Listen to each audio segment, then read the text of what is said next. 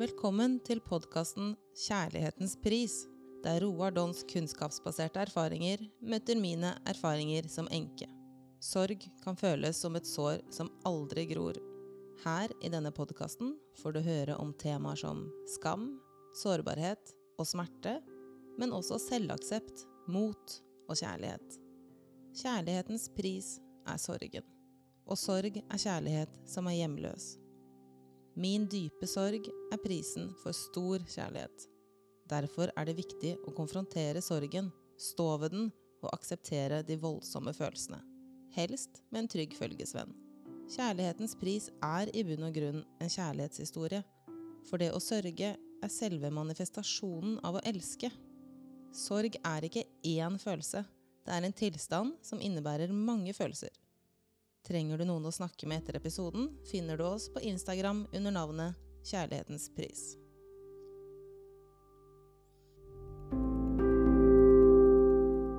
Jeg er sorgen. I dag kommer jeg, brått og ubedt, ikke forsiktig bankende på din dør, men som en kampestein gjennom taket. Jeg slo deg i bakken med min tunge vekt. Ikke kan du puste ordentlig. Ikke klarer du å reise deg under vekten av meg. Jeg er tung, ser du. Tung og vanskelig å få ut. Jeg må nemlig bæres ut. Ut til rett plass før du slipper unna mitt åk. Bæres med deg. Lenge. Kanskje alltid. Det tar tid for deg å klare å reise deg. Jeg er tung og uhåndterlig, krever alle kreftene dine, og enda litt til. Jeg krever av familien din og av vennene dine. Jeg er umettelig. Etter hvert klarer du å puste og ta ørsmå steg mens du bærer meg på skjelvende skuldre. Du hadde ikke kunnet forestille deg hvor tung jeg er, hvor vanskelig jeg er å bære. Jeg krever deg, fullt og helt. Du får hjelp av de rundt deg, de støtter deg litt, løfter litt sammen med deg, hjelper deg åndedrag for åndedrag. De spør ikke om meg, de bare skimter konturene av hvor enorm jeg er, hvor tungt du sliter for å bære meg. Dagene, ukene, minuttene, timene går. Jeg er like tung, men du blir sterkere. Du klarer å gå lenger, du klarer å rette deg mer opp i ryggen når du bærer meg. Du må lære mye på nytt, du går jo med meg på ryggen. Det vil aldri bli som før. Skyggene har blitt dypere. Livet er mer nyansert. Du har rast, du har grått. Tårene dine har gjort meg våt. Tårene dine har gjort deg godt. Månedene går, de blir til år. Jeg er fremdeles med deg. Like tung. Dine lår er sterke. Ryggen din er rettere. Blikket har kommet oppover igjen. Du har måttet blitt født på ny, født med en tung sorg på ryggen. Du har lært deg å gå igjen, lært å leve. Nå har du flere lyse dager enn mørke, og plutselig en morgen gleder du deg over soloppgangen, er takknemlig for livet.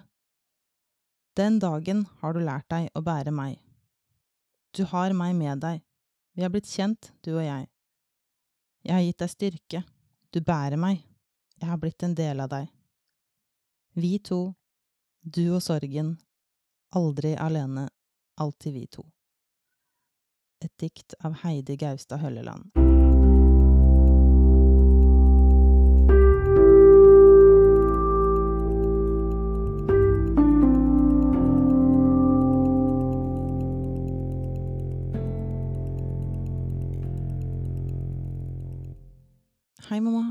Det er meg.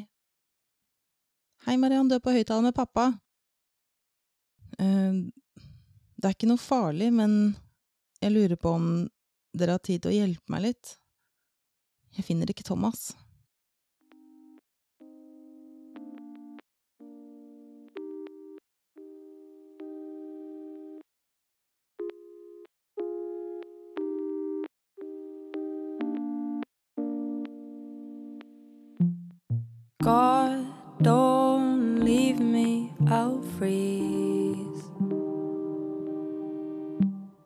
Panic in my bedroom, half asleep.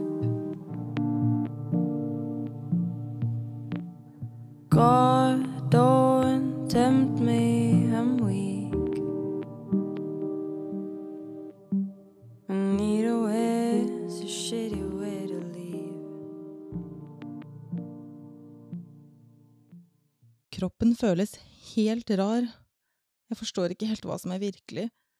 Jeg har tatt med meg babyen i vogna ut i skogen. Han har sovna, og jeg løper ut fra stien så langt at jeg akkurat ser vognen, og så tilbake igjen. Det har gått altfor mange timer nå. Hvorfor tar han ikke telefonen? Han må ha fått et hjerteinfarkt et sted, eller et illebefinnende. Jeg titter langs stien han pleide å trene på, den faste runden vår i skogen. Kanskje han har snubla, eller falt?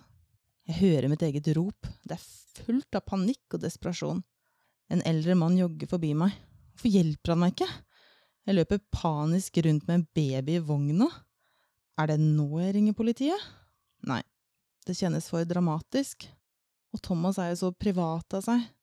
Hvis han har fått et illebefinnende, vil han at det er jeg som finner han.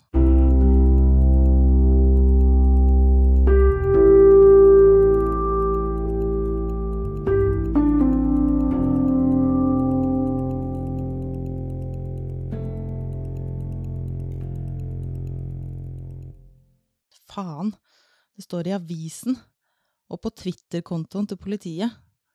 Politiet leter etter en mann i 30-årene. Betyr det at det er ekte?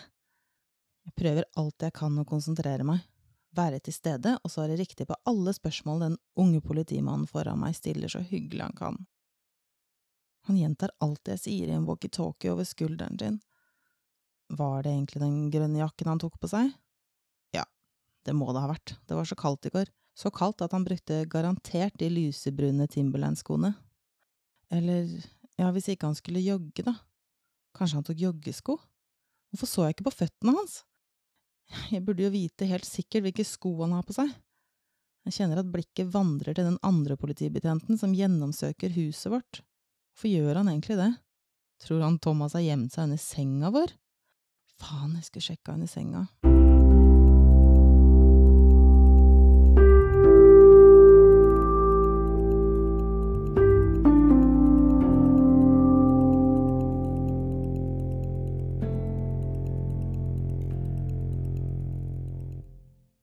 Helikopteret bråker overraskende mye. Jeg har sett bilde av hundene som leter på nettsiden til lokalavisen. Røde Kors er nå involverte, og jeg får ikke forlate huset. Pappa tar meg med på en liten runde. Det er det eneste jeg får lov til, rundt huset vårt. Pappa holder meg i armen hele tiden. Jeg lurer på om det er for å støtte seg på meg, eller for å støtte meg. Mest sannsynlig begge deler. Vi ser bort til skogen som er rett ved huset. Nå har helikopteret stoppet i luften. Det står helt stille over samme plass. Vi sier ingenting om det. Ingen av oss ønsker å kommentere det, men vi går rett inn igjen. Jeg står i stua når det skjer. Pappa har sett politibilen på vei inn innkjørselen og har sneket seg ut for å forberede seg på informasjonen datteren hans skal få. Dette vet jeg jo ingenting om når det skjer. Jeg står i stua helt uforberedt, har akkurat tilbudt kriseteamet et glass vann da pappa runder svingen fra gangen til stua i full fart. Han tar tak i meg og holder meg fast, ganske hardt. Han har skyndet seg bort til meg før politiet, han vet hva de skal fortelle meg, og han holder meg før jeg vet at jeg trenger det. De ber meg om å sette meg ned. Min umiddelbare respons er sinne, og det skal litt til før jeg snakker høyt eller sint mot en politibetjent. Men nå er jeg overstyrt av frykt. Jeg nekter å sette meg. Bare si det! roper jeg uten å kjenne igjen min egen stemme. Politibetjenten er så ung, og øynene hans er litt sånn blodsprengte. Jeg hører meg selv tenke hva har den stakkars mannen sett? Før han sier ordene jeg aldri vil glemme. Vi fant Thomas. Han er død. Han er død. God, don't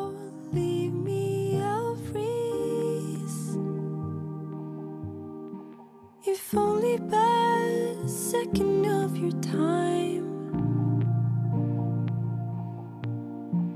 If only by a second of your time. God,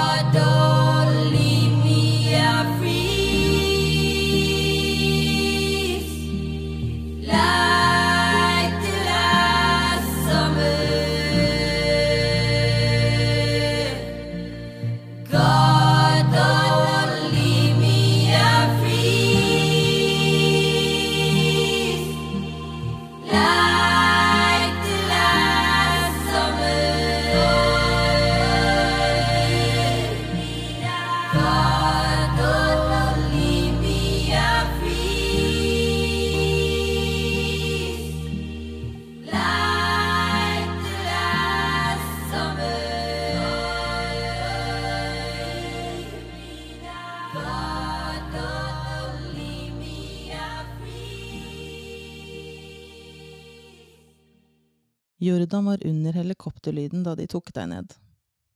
Jeg hater lyden av et helikopter. Jeg ser for meg den lille gutten vår med de store blå øynene sine. Han fikk ikke sove. Mormoren hans gikk tur med han, men han sovnet ikke fordi den høye helikopterlyden, lyden av letemannskapet som lette etter deg, holdt han våken. Der lå han bare ni måneder gammel, tre uker inn i sin pappapermisjon med deg. Jeg var ikke der, men det har allikevel blitt en film jeg kan se om og om igjen. Politimannen som kommer ut av skogen. Min mamma som desperat prøver å få svar. Ansiktet til mamma når politimannen ser ned og rister på hodet. Han har akkurat vært en del av teamet som la deg forsiktig ned på et teppe i skogen. Ja, dette har de lovet meg, at de la deg forsiktig ned, med et pledd både under og et over kroppen din. Dette har vært viktig for meg, at du ble behandlet med respekt, omsorg og kjærlighet. Men tilbake til mammaen min, som går rett ved der du var død, sammen med sønnen vår. Jeg har tenkt så mye på mamma som går ned mot huset vårt, fra skogen, der du døde, med barnebarnet sitt, for å møte datteren sin, vel viten om at hun nå får dødsbudskapet.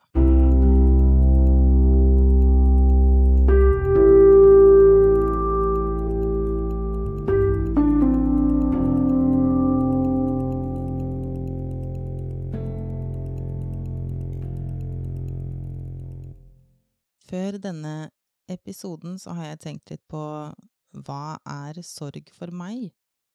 Og for meg er sorg min respons eller reaksjon på et betydningsfullt tap med mitt levde liv og det mennesket jeg er. Med andre ord en individuell prosess. Se for deg at du lever med et smerteskrik, og skriket er ditt. Ingen andre hører det. Det er sorg. Og jeg som trodde episoden om skyld og skam skulle bli den tøffeste. Prosessen jeg har hatt bare ved å skrive denne episoden Jeg er sorgen. Jeg er i sorg, og nå skal vi snakke om dette sammen, Roar.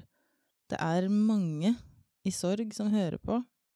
Noen er helt nye i dette landskapet, mens andre har levd i det og med det lenge. Kanskje noen ikke har opplevd det enda.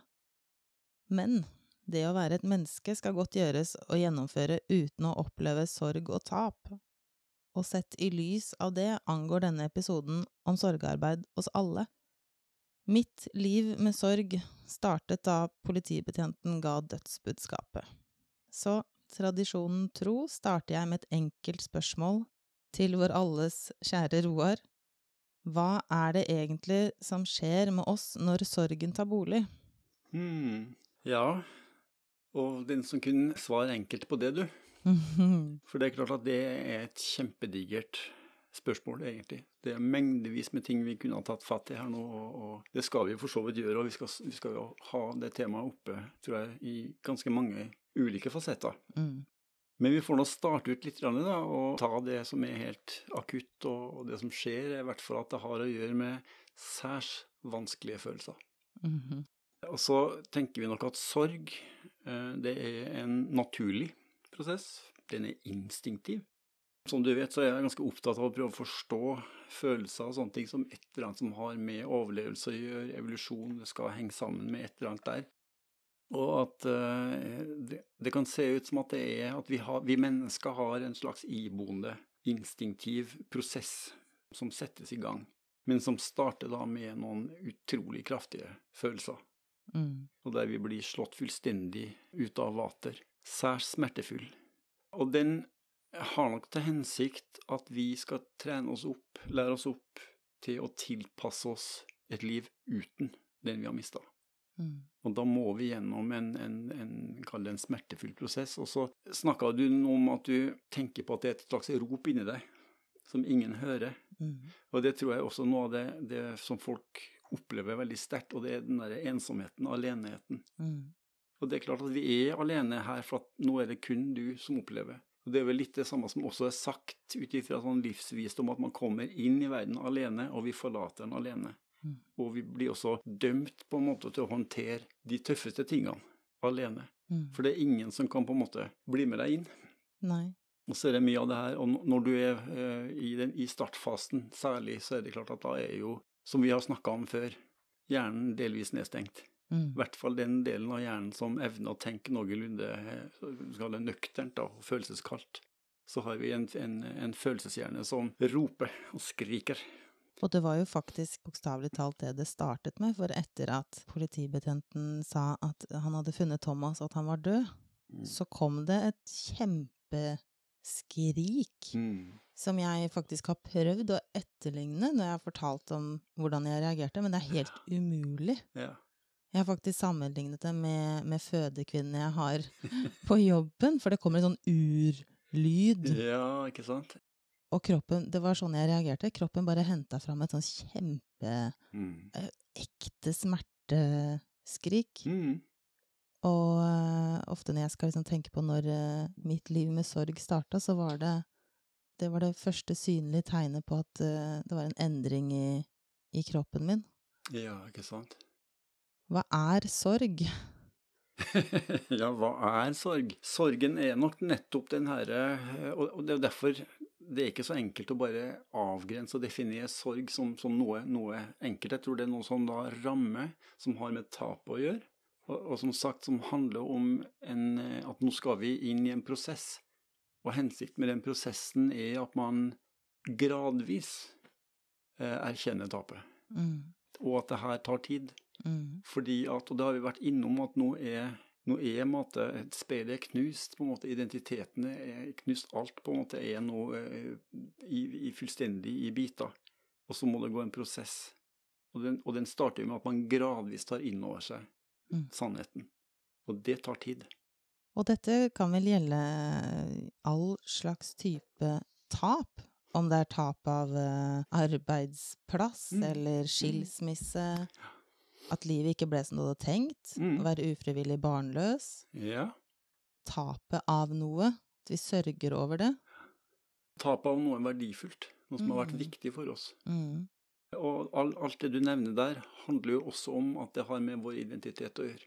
Vi mm. definerer oss i lys av det der. Når vi mister noe av det, så, så mister vi på en måte noe vesentlig. Og det første vi vil, det er jo å få det tilbake. Mm. Og det er derfor man gjerne snakker om at i en sorg så har vi det, det, det, er flere måter å illustrere det på, men det ene er det som heter tapsorientering, eller tapsorienterte prosesser kontra gjenoppbyggingsprosesser. Mm. Som er to sider av den, og den tapsorienteringa er selvsagt den første. Da er du i sorg, i fortvilelse, du blir overvelda over de følelsene, og du fastholder på en måte, og du protesterer mot og vil tilbake igjen til det du nå har mista. Og det er jo det som også kjennetegnes ved, ved intenst savn. Mm. Du blir okkupert av dette savnet. Og det er klart at du har rett i det at det kan gjelde hvis du har mista jobben din, mm. eller noe annet vesentlig som forsvant, og så, så, vil du tilbake igjen dit. Og, det, og, det, og det, starter jo gjerne med benekting. Mm. Jeg syns det minnes om at du hadde noen benektende faser helt i starten, der det ikke var så enkelt å ta inn over seg. Og det er nok noe som, som igjen ligger veldig den ligger instinktivt i oss. altså Det er ikke sånn at vi bare slipper. og så går vi videre. Det er ikke sånn det er. Fordi at det her rammer så dypt at det må en, en lengre prosess til for å få til den omstillinga, om du vil, og den gradvise erkjennelsen. Fordi at nå, det du nå må gjøre, nå må du på en måte reorganisere og gjenoppbygge, og så må du bygge nytt. Du skal bygge opp et nytt liv der erkjennelsen om at det som har skjedd, blir med. Altså Prosessen går jo da fra en akutt sorg, som er intens og som er, som er altoverskyggende, inntil at vi gjennom prosessen ender opp i det som kalles integrert sorg. Da har den blitt, den er med deg, sorgen er med deg, men den er ikke den som er dominant og styrende, for nå har du kommet deg over i det som gjerne heter gjenoppbyggingsorientering. Som betyr annet at man kommer dit at du foretar aktive livsendringer. Mm. Så nå erkjenner du sannheten, og nå kan man eh, til og med tenke seg å vurdere en ny relasjon. Mm. Sant? Når tida er moden, når du kjenner det. Du gjør nye ting. Tar friminutt fra sorgen, om du vil. Ja. Kan du si noe om tidsperspektiv her, for det vet jeg mange som eh, kan kjenne litt på. Hvor lenge kan jeg være i den akutte fasen, og når er det tid for, og greit innafor, å gjenoppbygge? Ja, gjenoppbygging er nok noe som jeg tror egentlig igjen er, er naturlig for oss. Det er vel nok mer det her med når tid er det riktig å le. Mm. Når er det riktig å miste seg sjøl inn i gleden. Og jeg tenker at det er ingen regel på det. Nei. Det må være greit med en gang. Og det husker jeg har jo vært veldig nært selvmord sjøl. Og da var det en, en, prest som uh, var den som kom og representerte kriseteam, og var en særdeles dyktig krisearbeider. For han sa jo, og det her var samme dag som uh, vi hadde funnet en som tok livet sitt. Og da sier han at han skal kommer tilbake i morgen, og nå håper jeg at familien husker på at det er lov å le. Oi. Det var fint. Fordi at det, sorgen forsvinner ikke. Men det er viktig med de små pausene. Men det her blir jo noe annet enn det vi nå snakker om, den gjenoppbygginga. Mm. Og det er jo dette som da, for, for, dem som er teoriinteressert, så kalles den gjerne toprosessteorien mm. når det gjelder sorg. Fordi at tidligere modeller har tatt utgangspunkt i at vi har det som en slags faseinndeling. Så at man ser for seg noen faser vi skal gjennom, og at man nærmest kunne ta se på kalenderen på en måte, når, hvor lenge siden er det, ja, da skal jo du helst være i den fasen. Mm. Det man nå ser, er at vi er, altså du pendler mellom tapsorientering og utviklingsorientering når det er gjenoppbygging. Mm. Og det betyr at det kan være lenge. Mm. Lenge, lenge, lenge. Men når du svinger mellom, så vil du etter hvert oppdage at du befinner deg lenger og lengre tid i den nyorienteringa, gjenoppbyggingsfasen. Mm. Og det her korresponderer også med to andre system vi har, i hvert fall når det gjelder når vi mister viktige mennesker i livet vårt.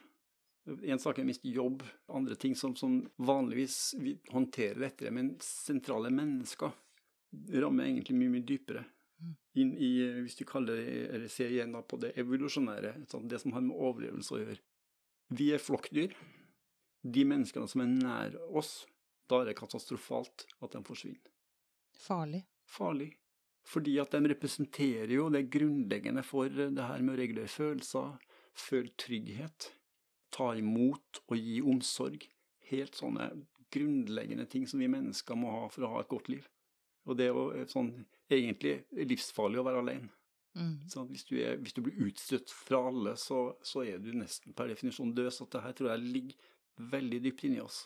Slik at den tapsorienteringa handler jo da også om tilknytningsorientert Altså det, dette tilknytningsorienterte systemet som nå står på full, full guffe. Dette gjenoppbyggingssystemet er i starten avslått. Det samme er da det som heter utforskingsorienterte system. Den delen av oss som vil utforske verden, den delen av oss som vil teste grenser og kjempe på kompetanse og mestring, den er helt avslått. Og du, du havner inn i isolasjon. Du isolerer deg. Og, og, forsvinner da inn i denne sorgen, sorgatferden om du vil, da, som er den nedstemtheten, fortvilelsen, og samtidig med at du har en hjerne som igjen ikke fungerer helt etter planen. Mm. Sånn, så at de som trenger repetisjon, kan gå inn på Instagram-kontoen vår og ta en titt på den videoen vi la ut, der jeg snakker litt om, om hvordan automaten vår fungerer. For der finner vi mye av forklaringa på det her. Og det er jo dette som er da, og hvor lenge det her skal arte seg eller vare, det, det, det finnes ingen fasit på det. Og det skal vi jo også jobbe en del med og snakke en del om, det her som heter sorgarbeid. Mm. Villigheten til å gå inn og jobbe med det, for det er det, det vesentligste. Fordi at eh, nå snakker vi jo generelt om sorg, Og som, som jeg sier, det er en akutt fase. Vi må erkjenne tapet, og det er, går kortere eller lengre tid. Litt avhengig av eh, hvem det er som dør, på en måte, og den rollen vedkommende hadde, og alt det der. Men så har vi jo også det som Det kan være forhold her som kompliserer det hele. Selvmord er definitivt noe som kompliserer det hele. yep. Kraftig. Blant annet fordi det er en voldsom trigger for utløsning av skyld og skam. Mm. Hvilket vi også har laga en liten episode om. Mm. Så den er, den er, for den kan nemlig ødelegge for den prosessen. At, for at det, det blir som at man sementerer det hele. Man klarer ikke å komme seg ut av den der. Og det samme er jo selvsagt hvis det er det vi kaller traumatiske hendelser. altså Du, har vært, du kan være vitne til det hele. Førstemann som kommer og ser. Sånn at du har også dette traumeaspektet. Som også kan være veldig veldig ødeleggende Mm. for å få en, en sorgprosess til å gå. Mm. Mye av det som skjer der, er jo at vi mennesker, når vi er konfrontert med den type minner, så prøver vi å unngå dem. Vi vil unnslippe. Mm. Og da unnslipper vi for så vidt også det å bearbeide det hele, så vi klarer ikke å få til den integreringa. Vi, vi, vi klarer ikke å erkjenne det, på en måte. Er det det som heter eh, komplisert sorg? Da kan det føre til, til komplisert sorg, da, eller forlenga sorgforstyrrelse. Og da ønsker vi å unnslippe, unngå. Og, vi, og forsvarsverket er nesten noe av det, Noen ganger så kan det her være ganske automatisk. altså Du har ikke kontroll på det engang. Mm. Det er på en måte som at eh, hjernen din slipper deg ikke inn til det minnet, slik at du får bearbeida det. Mm. Og det, og det, det er jo nettopp den bearbeidinga som er grunnlaget for at vi er i stand etter hvert til å erkjenne det fullt ut. Problemet med det er at det her gjør fryktelig vondt. Det er meget, meget smertefullt. Ergo så ønsker vi oss vekk ifra det. Så når jeg har skrevet i dagboken min at eh, alle andre sier at du er død, da har ikke jeg helt forstått det. Kan det være tegn på unngåelse? Ja, eh, dels unngåelse, men dels også at da er du nok i, en, i den akutte fasen hvor du også har et, et såpass nedstengt tenkesystem. Altså at du er Vi snakka jo om det her å være nærmest sånn i delvis i en psykotisk tilstand, så du, du, du, har, du erkjenner det ikke. Mm. For, fordi at du får ikke til å forstå det. Det ligger en, en benektelse, og det er ikke en bevisst benektelse fra din side. Men når du ser verden, så, så tenker du at ja, men det er jo ikke sant. Mm. Og det er jo den første på en måte protesten, da. Som, som du ikke nødvendigvis eh, Som sagt, du, du bestemmer deg ikke for det. Og så vet du jo det at når du etter hvert får de glimtene av sannhet, da får du også den der kniven Mm. som, som eh, virkelig gjør vondt. Og det er drittøft. Eh, Jeg har blitt sengeliggende av det når den sorgbølgen, som jeg kaller det, kommer. For jeg kan fungere ganske greit når jeg holder, på, holder meg på et nivå ubevisst, Mm. eh, hvor jeg ikke pendler i sorgen, jeg pendler jeg mer i livet, kaller jeg det. Ja. Mm. Opptatt av livet og det som er nå, og hvordan jeg skal eh, løse kabalen min. ja. Og så plutselig så kommer den kniven.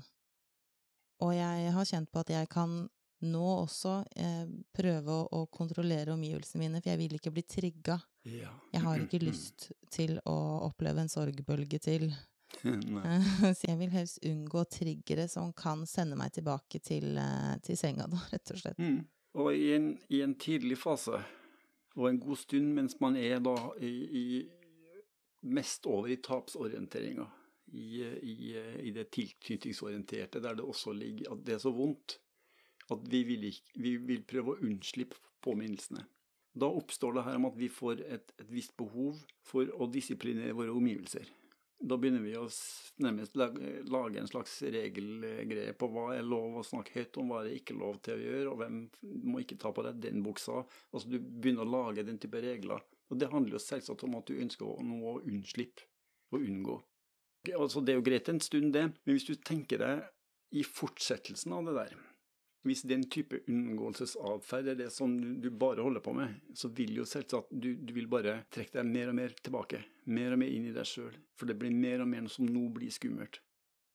Etter hvert så ender vi jo der opp i at dette blir komplekst, komplisert, og du får denne forlenga tilstanden som kan ende opp i at du kan gå årevis. Og det er som om du bare befinner deg i den akutte fasen. Mm. Du kommer deg ikke ut av den. Og det er det, og det er da du trenger også å, å oppsøke hjelp. Mm. For, her, for hvis ikke du får, får løst deg fra den, så, så, risikerer du å leve resten av livet der. For nå, for nå er det ingenting som på en måte drar deg videre. Og det blir altfor for vanskelig og for farlig. Og det er jo derfor det, det er ikke så rent sjeldent at en del mennesker blir uh, ufør Nei, i kjølvannet av det her. For det er rett og slett altfor sterkt å, å, bære på, og man blir hengende fast. Mm. Man klarer ikke å komme seg ut av, av, den akutte fasen, og så er det det som blir måten man nå lever livet på. Mm. Og da er det klart at da er du ute av stand til å jobbe. Ja. For det å være i, i intenst tap eh, er uforenlig med jobb. Litt for det, og det har vi nevnt og snakka litt om, det er når tilknytningsorienterte aktiviteter er veldig påslått. Da er vi, da, hvis vi tenker igjen evolusjonært, nå er kroppen opptatt av å få landa alt det som har med tilknytning å gjøre. For her er, her, er det noe, her er det katastrofalt, her er det et eller annet som er livsfarlig for deg. Det er ikke da du drar på jobb. Nei. Nå må du ordne opp i det først, Mm. og få landa det. Problemet er bare at deler av det som du nå skal ordne opp, lar seg ikke ordne opp, for det er et tap. Derfor så må du gjennom en prosess, der du gradvis kan erkjenne det, og gradvis oppdager du at du eh, overlever. Mm. Vi har nettopp kjørt et, et nytt seminar, jeg, for, for etterlatte, og, vi, og, og det her var et oppfølgingsseminar, så der kalte vi 'Fra å overleve til å leve'. Som er nettopp det at du nå, nå har du overlevd, hva nå? Og da er du, du, du med fordel kan begynne også å se på dette gjenoppbyggingssystemet. Men det vil være vondt. Mm. Sant? For når du er inn i det, så vil du igjen bli påminnet. Så det betyr ikke at det er sorgfritt der heller. Nei. Det tror jeg du har, du har opplevd sjøl. At når du er ute og ja, det er litt ok, og så plutselig så blir du tatt igjen. Mm. Og det som er kanskje litt interessant å tenke der, for det, det som ble tematisert på den samlinga, var jo det her med at det er nesten så vi er redd for å bli glad. For når vi blir glad, så begynner vi å gråte. Og det er klart at hva, hva er det som skjer her? Men da tror jeg at det kan være lurt å tenke at sorg og glede er på den samme emosjonelle kapasiteten. Mm. Det er to sider av samme sak. Og det betyr at så lenge det fortsatt finnes sorg her som ikke er bearbeida, i det øyeblikket du er inne i gleden, så blir du sugd tilbake igjen. For da, da vil du samtidig åpne opp Mm. for sorgbiten, og, det som er, og gråten kommer. Og da er det jo klart at ja, men da er du sorg, så det, jeg tenker det er jo helt greit. Mm. Eh, sånn at det er ikke fordi at du er i ferd med å bli gal. Det, jeg tenker det vil være helt naturlig. Ja, for det her kjenner jeg meg jo veldig igjen i, spesielt nå om dagen jeg har begynt å ha fødsler igjen som jordmor, som jeg syns er skikkelig ålreit.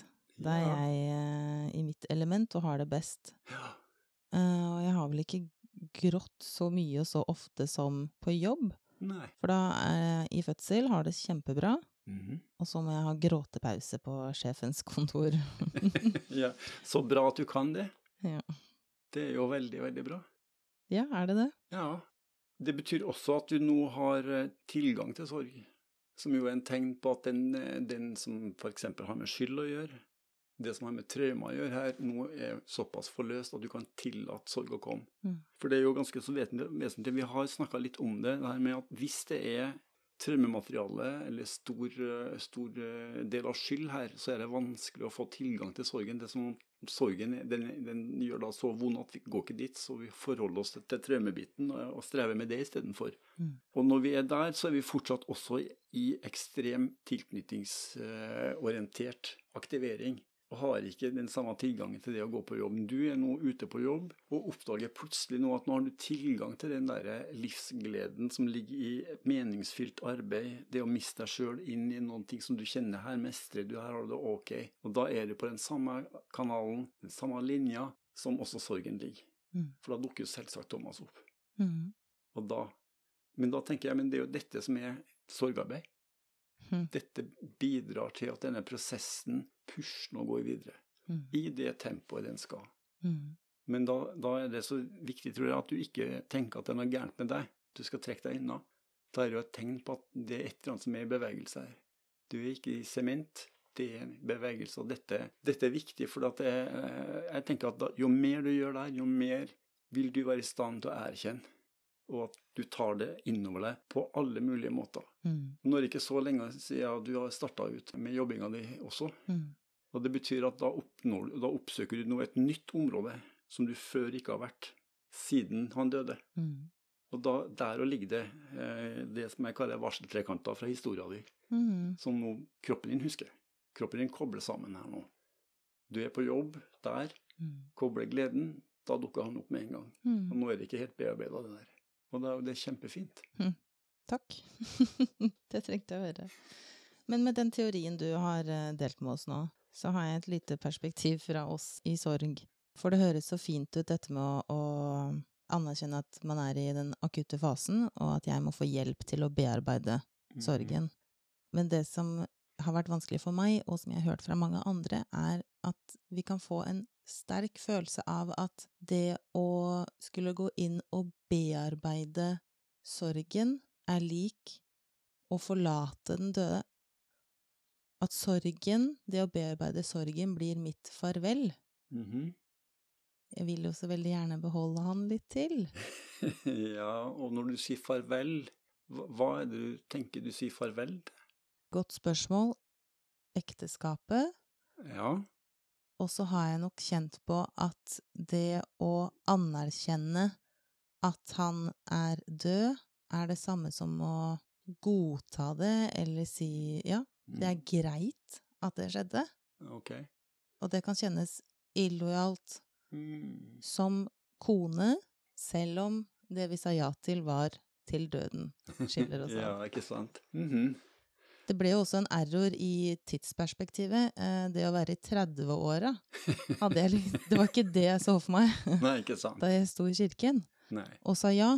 Mm. Så selv om det var han som døde, så føles det som at det er jeg som forlater han, fordi jeg går videre uten. Mm. Og det er så innmari vondt. Ja. Det, og du sa at, at, at det å godta, og at det skal være ok, så tenker jeg det, det er nok heller det å eh, altså Hvis du tenker denne sorgprosessen som har til hensikt å ende opp med, kall det en aksept i form av at det er dette som er virkeligheten.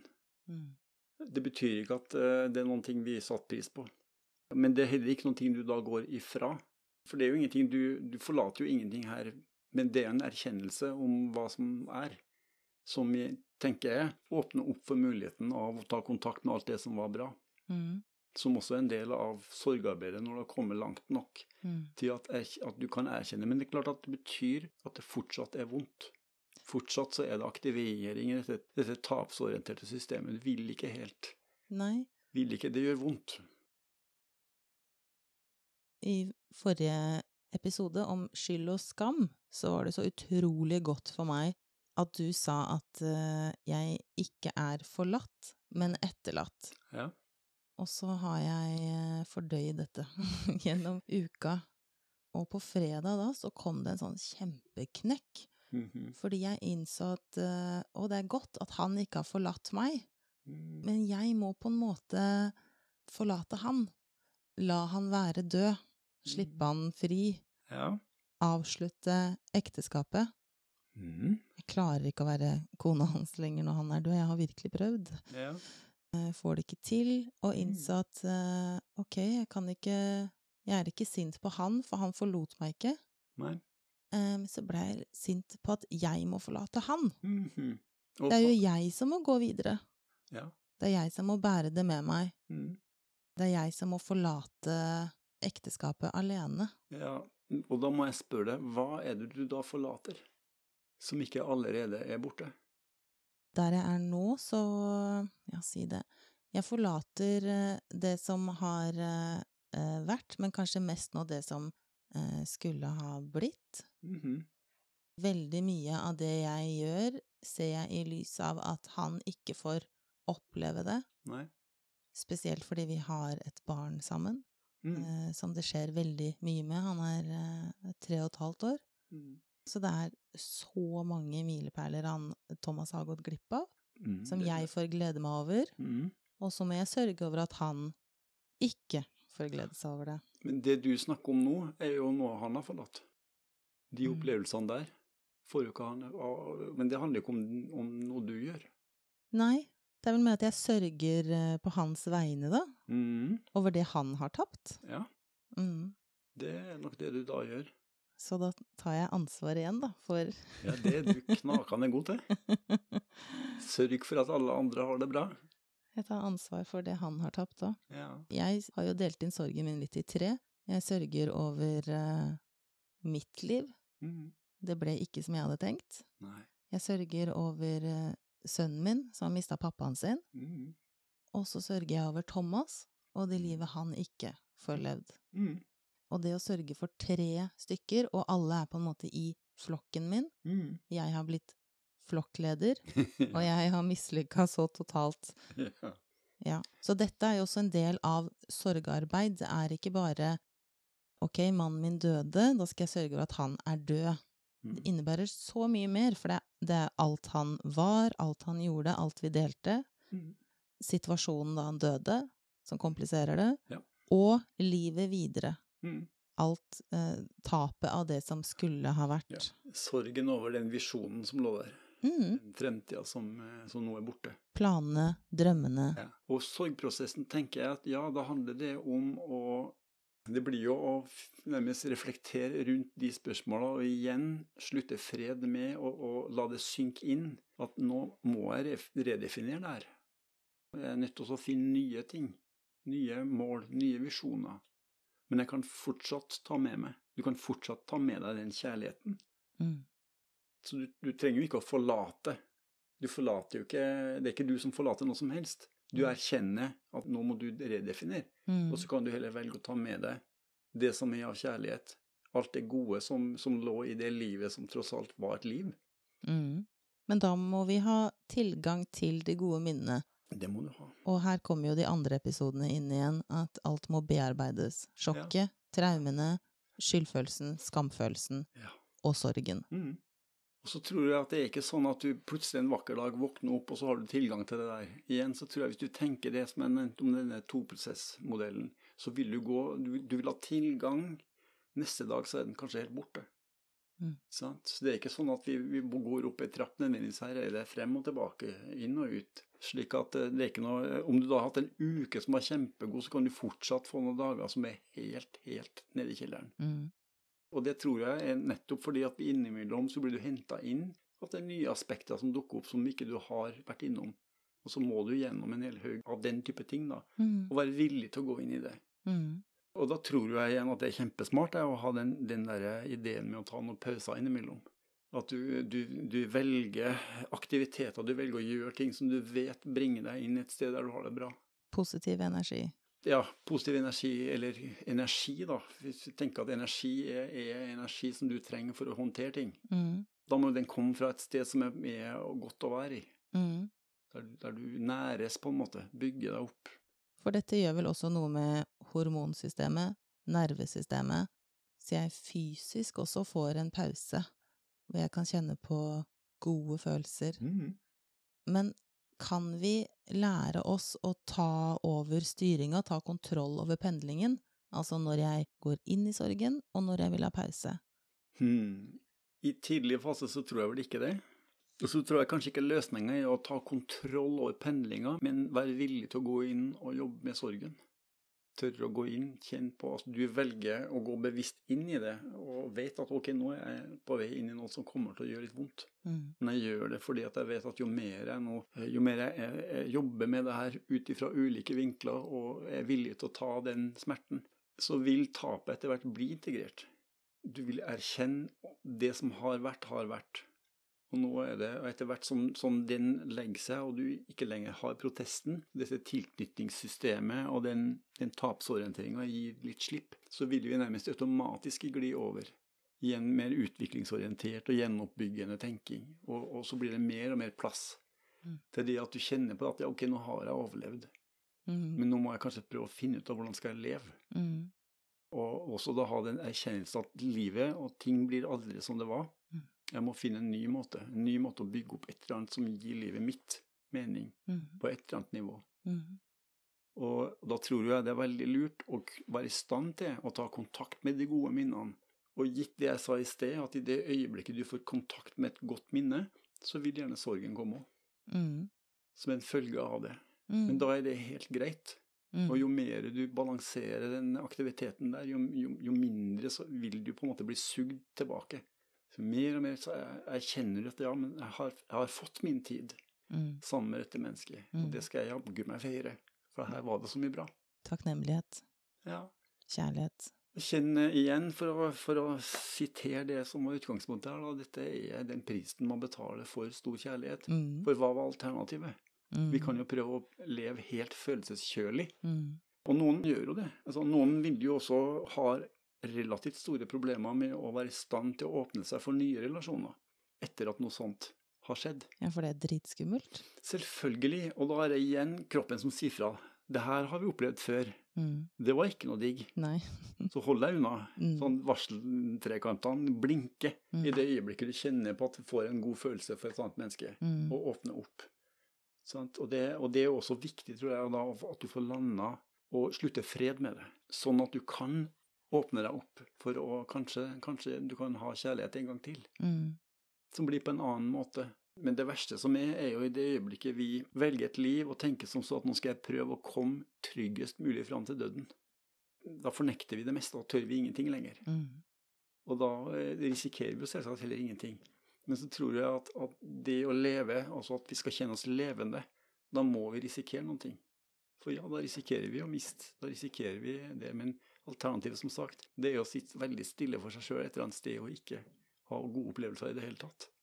Ja, det, jeg kan fortsatt huske dagen jeg innså at uh, jeg kan faktisk bli eh, enke igjen. Jeg trodde det var check. ja, Da har jeg i hvert fall sant. fått det unnagjort. Men tilbake til den eh, pendlingen og, og sorgbølgene. Mm. For uh, det er viktig det du sier med å anerkjenne det. For det har jeg lært av deg. Jeg har spart inn mye tid på å ikke protestere når jeg kjenner at sorgbølgen kommer, men å heller anerkjenne at nå har jeg hatt det veldig fint. Ja. Nå kommer det en sorgbølge. Mm. Det er ikke farlig. Nei. Nå skal jeg kjenne på at det var vondt å miste Thomas, Mm. og så går sorgbølgen over, og så får jeg en pause igjen. Så det å tilpasse meg og livet mitt med sorg og med tap, Mm. det har gjort at jeg er mer i, eh, i eh, livet enn tapet. Ja, ikke sant. Og spesielt når jeg er blitt utsatt for triggere som denne podkasten er. Mm. Som jeg snakket om på fredag, at det kom en knekk. Ja. Da var jeg i Hemsedal og kjente at nå kommer det. ja. Nå som jeg har det så fint og godt og koser Mm. meg. Men istedenfor å bruke masse energi på å protestere og prøve å unngå, så dro jeg hjem, Mm. tok bølgen, gråt masse, Mm. eh, så på bilder av Thomas, videoer, kjente på eh, sorgen over at han ikke er her lenger. Og da ble sorgbølgen mye kortere enn den pleier å være. Mm. For jeg kjente på Du har jo sagt noe om dette med at eh, følelser eh, krever å bli følt. Mm. Og det stemmer så godt, for nå har jeg jo praktisert det. Og følelsen kom, den krevde å bli følt, jeg følte den, og så gikk den ut av systemet igjen. Mm. Så kunne jeg reise meg og ha en fin lørdag. Ja. Og da tenker jeg det, det som skjer her nå, er at nå, for, nå, nå var det dette tapsorienterte systemet som ble sveiva i gang. Mm. Og så adlyder du det. Og hva gjør du? Jo, du oppsøker Thomas. Mm. Du drar den veien. Mm. Da blir jo det også en ny erkjennelse av at Men han er jo også borte. Sant? Den fysiske han er borte. Mm. En ny, da er det på et nytt, kanskje enda litt dypere nivå, erkjennelse. Mm. Så tror jeg jo mer du gjør det her, jo mer vil du sannsynligvis også få kontakt med mer og mer gode følelser. Sant? For da begynner du å huske alt det som var ålreit, alt det som var bra. Alt det som man har opplevd som er en del av et levd liv. Mm. For det, det er et veldig godt poeng, fordi eh, tidligere faser, når jeg fikk en sorgbølge, så var minnene jeg fikk fra da jeg lette, Mm. eller da de sa at han var død, eller eh, hvordan det var for han å dø på den måten. Mm. Men eh, sånn er det ikke lenger. Det jeg måtte oppsøke av minner på fredag, var gode, Mm. hverdagslige øyeblikk med Thomas. Gode minner. Kjærligheten, latteren, vennskapet. Bi bildene og videoene er ikke lenger fra begravelse eller syning. Nei. Det er fra fjellturer eller andre gode minner vi har sammen. Mm. Og det er en kjempeendring. Ja. Og det er en helt annen måte å sørge på enn å måtte gjenoppleve selve døden hans, Mm. og det å ikke være opphengt i at han døde eller hvordan han er død, men få tilgang til, til livet han levde. Ja. Og, så, og da tror jeg at du er nødt til å være villig til å gå igjennom alle de gangene der du må la ham dø om og om igjen. Mm. Ikke sant? Og det er i det øyeblikket han slutter å dø, at du på en måte har tilgang til den andre delen, som også er lengsel, Mm. og også er, er på en måte sorg, men det er en helt annen type sorg. Mm. Den, den, den er, hva skal vi kalle det, mykere. Mykere. Mye mykere, og, og det bor mye mer, mer kjærlighet der. Mm. For i den, den første utgaven så er det mye mer frykt, og egentlig mye mer protest. Det her er forferdelig. Det skulle ikke vært sånn. Dette, det, sånn skal det ikke være. Og så er det nærmest en kverning på det. Mm. Men så blir det også til Ok, det, det var, det har skjedd, det er historie. Mm. Og så begynner vi, og så er du fortsatt blir du sugd den veien. Mm. Og det tenker jeg, det skal du tillate deg sjøl. For jeg tror jo også at jo mer du unngår, eh, jo mer vil du sette opp stengsler på det her. Mm. Eh, Og det som er risikoen da, at hvis vi, du lykkes nå for så vidt i den, den at vi, du stenger ned, og så får du det for så vidt litt bedre, da ligger det der fortsatt å leve. ikke sant? For det er noe uferdig her. Det, det er ting som, som må ferdigstilles, på en måte. Og da tror jeg at det ligger noen følelser der som egentlig krever å bli følt. Mm. Og om du da lykkes med din strategi, så kan de kicke inn ti år etterpå Mm. og slå deg fullstendig ut Mm. den dagen Forsvarsverket raser litt sammen. Pluss selvsagt at det er det å ha vanskelige følelser på den måten kan være en, et grunnlag da, for å utvikle atferder som blir veldig ødeleggende. Og da tenker jeg spesielt på det med å ende opp i eh, ulike former for rusmisbruk, Mm. som har til hensikt å dempe vanskelige følelser, og så blir du avhengig av det. For nå blir det som er bak her, er så, blir etter hvert så farlig at du må bare øke på, øke på, med det som da også påvirker hormonsystemet. Mm. Alkohol er dopamin, det. Så Mm. det funker, det. Mm. Det er bare det at du må ha påfyll. Det var ikke et tips. Nei, det var ikke et tips. For det, det som skjer da, er at du må hele veien ha påfyll Ja. og påfyll og påfyll, og da må du også øke dosen. Mm. For det her blir du vant til. Mm. Mens, og da er vi, vi har, vi har snakka før om det her med at vi har to dimensjoner i oss. Det ene er det å være. Og der, der er vi i fred på en måte med det som er. I det øyeblikket det blir vanskelig, så pendler vi over til gjøresida. Mm. Og, og det da å, å få tilgang til hormoner ved å gjøre, det er jo der avhengigheten ligger. Mm. den krever sitt påfyll. Mm. Mens den andre, og det, det er gjerne det man sier, at det å være det er samme som serotonin. Mm. Sant? Mens gjøre er dopamin. Mm. Og det har for så vidt også med motivasjonssystemet motivasjonssystem å gjøre, men det blir farlig når vi nå bruker det for å unnslippe Mm. sorgen. Unnslipp traumene. Unnslipp der. Hm. Derfor så blir det så viktig at vi heller eh, søker hjelp, slik at vi kan gå inn og få til den prosessen som skal være det naturlige. Mm. At vi må gå igjennom en god del smerte for å erkjenne tapet. Først delvis og etter hvert helt. Og så må vi ta inn over oss hvilke konsekvenser får det her for mitt liv, og hvordan skal jeg nå bygge det nye livet. Mm. Da trenger vi å være tillate oss sjøl å være det. Sånn som du sier nå, du dro hjem. Mm. Du var i sorgen. Mm. Du lot den bare komme. Mm. Og da skjer det magiske ting. Det gjør det. Mhm. En eh, eh, annen ting jeg tenker det er viktig å snakke om når vi eh, tematiserer sorgarbeid, det er eh, merkedager. Mhm. Og eh, jeg har en som kommer snart, og Tom, det er at Thomas eh, skulle hatt bursdag. Mhm. Hvorfor er merkedager så tøffe? Vi, vi er kjent for å være opptatt av datoer, Mhm. vi etterlatte. Ja. Er det bare en kjempetrigger? Ja, det er nok det. Eh, Mhm. Fordi at det er klart at vi om resten av eh, dagen, uka, måneden surrer og går, Mm. så vil jo det der være en alarm. Mm. Her kommer det. Her kommer det. Og dermed så blåses det opp alt som nå er ufordøyd, da, for å, for å bruke det ordet. Mm.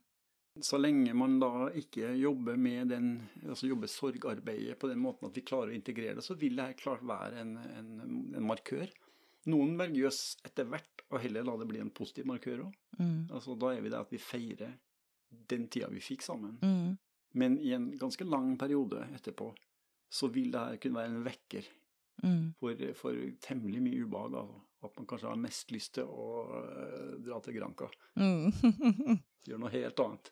Vi har jo valgt å, å feire livet han hadde når han Ja. har bursdag. Da Mm. drar, samles vi på kirkegården, tenner lys og Ok. mm, legger noen fine blomster, og så drar vi ut og spiser. Ja. Og da tar som regel alle en is til dessert, for det var liksom hans favoritt. ja. Mm. Og det, det syns jeg har vært kjempefint.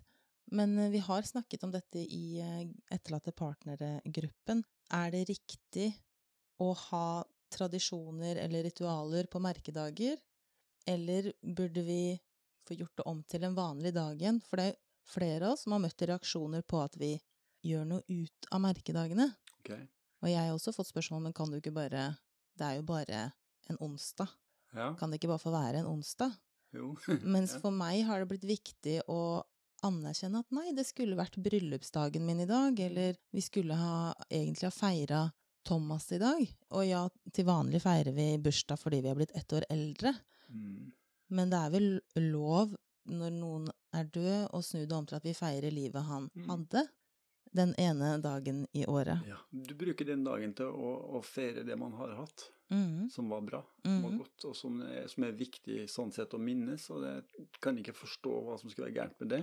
Nei. Men her har du noen ting med at dette er jo, som mange etterlatte kjenner på, at folk lurer litt på når, når er du ferdig med å sørge, da? Mhm, For nå har det jo gått et år. Mm. Nå må det snart være nok. Og det betyr jo at det er ubehagelig for de andre. Ja, ikke sant? Det har jo ingenting med det å gjøre. Og da tror jeg folk må gå i seg sjøl og finne ut av hva er mitt behov. Hva, Mm. hva er viktig for min del? Mm. Og så får alle andre mene hva de vil. Men så lenge du kjenner på at ja, men det her gjør godt, det her er rett for meg, ja. da tenker jeg da er det jo, da er det jo riktig å gjøre det. Ja, for det har eh, eh, til tider så har jeg kjent liksom åh, eh, mestring på at vet du hva, nå bearbeider jeg sorg. Men så kan jeg bli møtt med «Eh, må du dyrke sorgen da, Mariann? Ja. Men da er vi enige om at det å gjøre noe positivt, noe hyggelig på merkedager, er ikke å dyrke sorgen. Det høres jo ut som at dere har det hyggelig, da. Vi har, vi har det hyggelig. Nesten så jeg ikke tør å si det, men ja, vi har det hyggelig. Jo, men det er jo fordi at da er man der, og, og da handler det kanskje også om en annen side av det her, at det kan være at denne flokken du har der nå, har blitt litt mer sveisa, Mm. og nå er man veldig samkjørt også om å minnes alt det som var verdifullt. Mm. Og det er jo, litt, det er jo det som heter å hedre noen. Det Mm. er vel nettopp å ta opp hva var det som var bra her. Mm. Det er jo ikke det samme som å være i sorg eller eh, dyrke sorgen. Altså, det, det er egentlig et sånn merkelig ord. Mm. Dyrke sorg. Det har jeg litt vanskeligheter med å helt forstå hva er det for noen ting. Mm. Altså, fordi at sorg er, er mer påtrengende av natur. Det er ingenting du velger som du vil, vil dyrke. Så kan dyrke noe annet. Altså, vi kan, kan dyrke eh, god mat, Mm. ikke sant? eller reiser, eller den type ting. Mm. Men å dyrke sorg igjen, så tror jeg det er alle de som er på en måte nærmest pårørende til pårørende, som er, er lei, de vil, ha, de vil ha deg tilbake igjen der du var. Altså Det er en måte å nærmest motivere deg til å slutte å dyrke det her, da, for det er skadelig for deg, eller noe sånt. Mm. Men igjen så tror jo jeg at man skal Så lenge sorg er der, så er det fordi at det fortsatt er ting å bearbeide. Mm. Og da er det heller den villigheten å gå inn dit og bearbeide, eh, altså jobbe med det, være til stede, og ja, og, og få en kontakt da med gråt. Mm. Få kontakt med det som, eh, som gjør vondt. Mm. Det er ikke noe gærent i det, men det er klart, reaksjonen nå får du fra de andre på utsida, Mm. som vil eh, som, De er ferdige for lenge siden. Ja. Og de har heller ikke fått med seg det at din sorg starta lenge etter deres.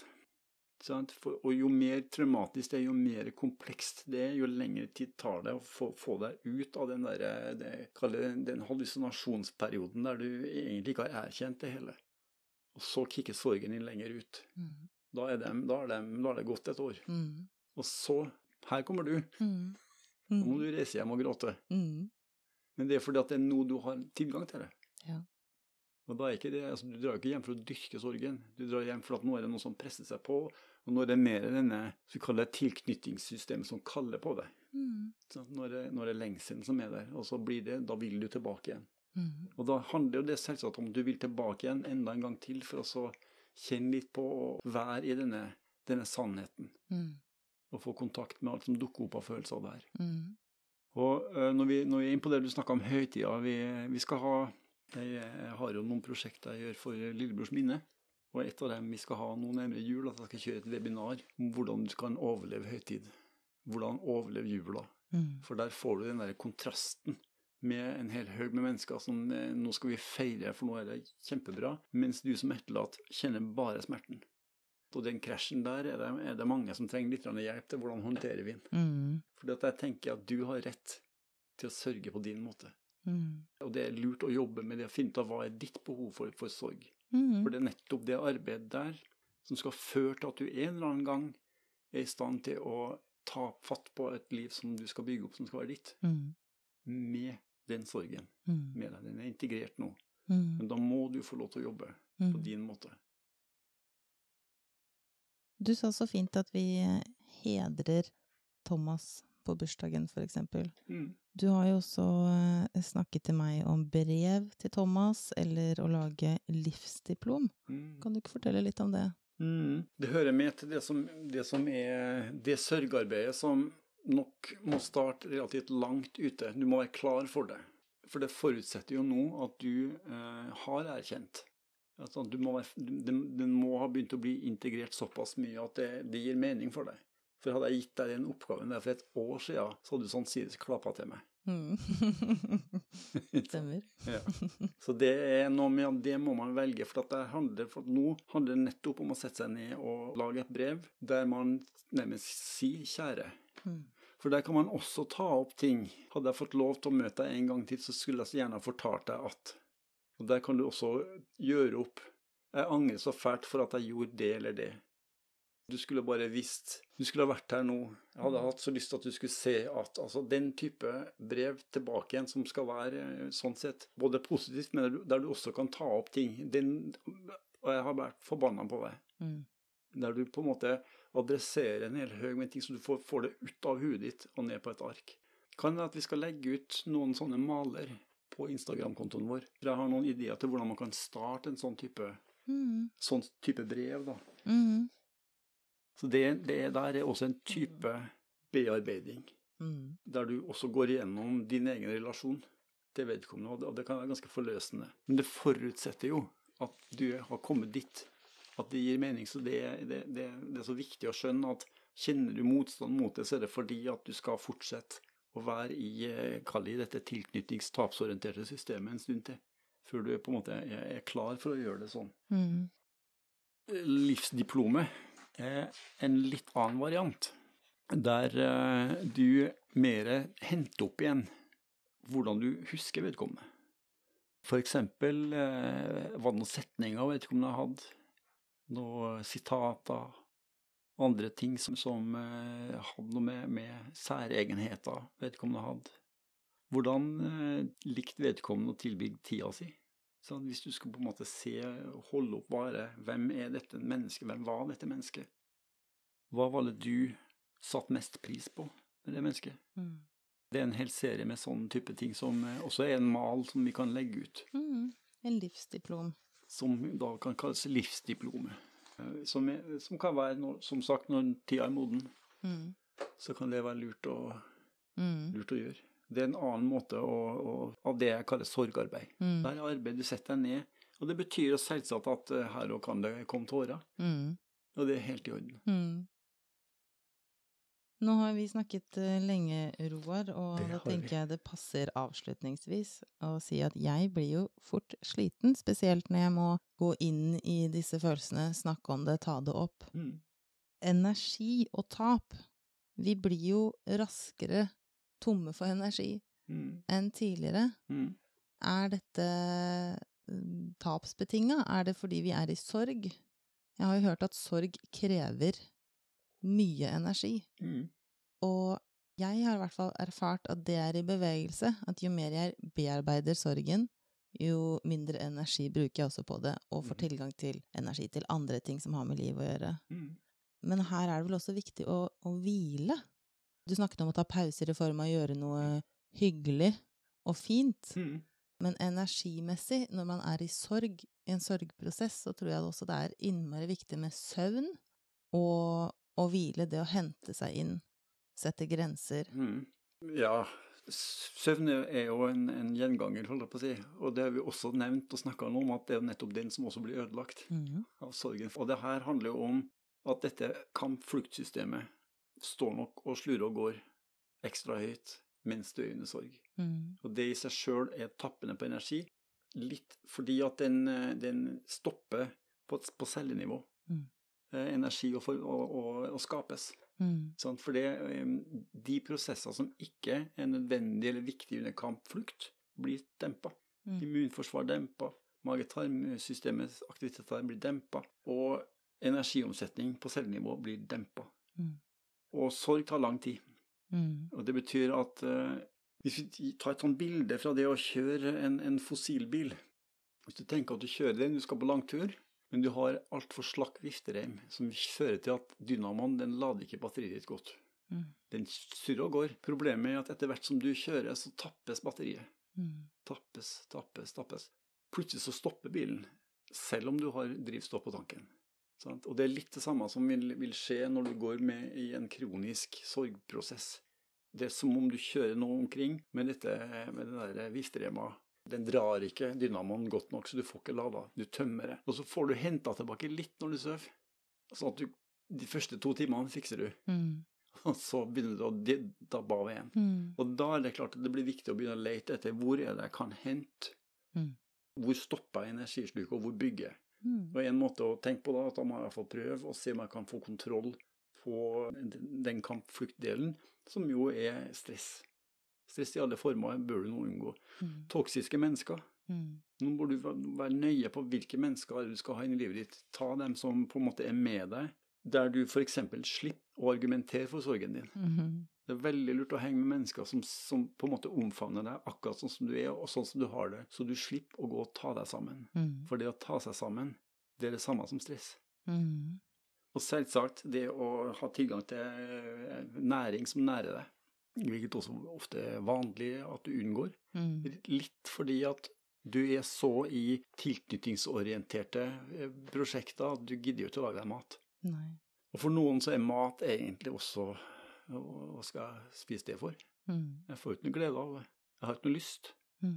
Men da må man nok nærmest tvinge seg litt inn i, i, den type aktiviteter. da. Mm. Samtidig som jeg tror at det er veldig lurt å bruke litt tid på å finne ut av hva er det jeg kan gjøre der jeg mister meg sjøl inn i øyeblikk med glede. Ta, altså for jeg ta den, de gråten, den gråten som kommer, men at jo mer jeg gjør det, så kan jeg ha de der små fristundene. Mm. At vi skjønner at ja, men sorgen forsvinner ikke. Selv om jeg nå mister meg et øyeblikk inn et sted hvor jeg faktisk kan hvile meg litt. Og det å ta pause ifra den kverninga, sorgtenking, samme nesten hva det er, så er det ok. Mm. Sånn at vi, vi da får magasinert energi. Mm. For jeg tror jo også at når vi er helt lav på energi, så vil sorgen og fortvilelsen være veldig mye sterkere. For det er som om vi nå vet at vi har, vi har så lite kraft å håndtere det med. Mens i det øyeblikket vi har henta opp, opp kraft, så er det som om verden endrer seg litt. Mm. Det blir litt lettere. Mm. Det har mye å si. mm.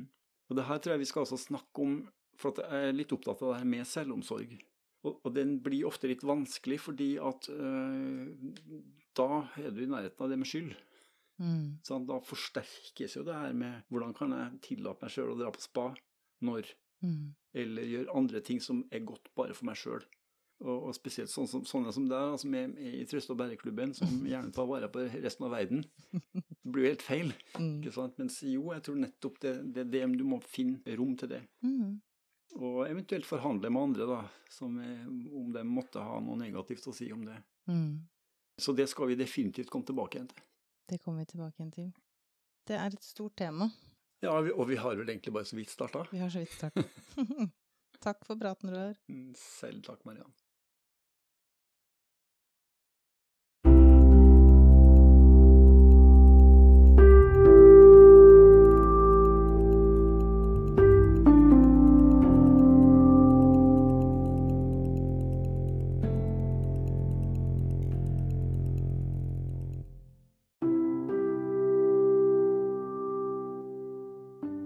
For at du lyttet til podkasten vår.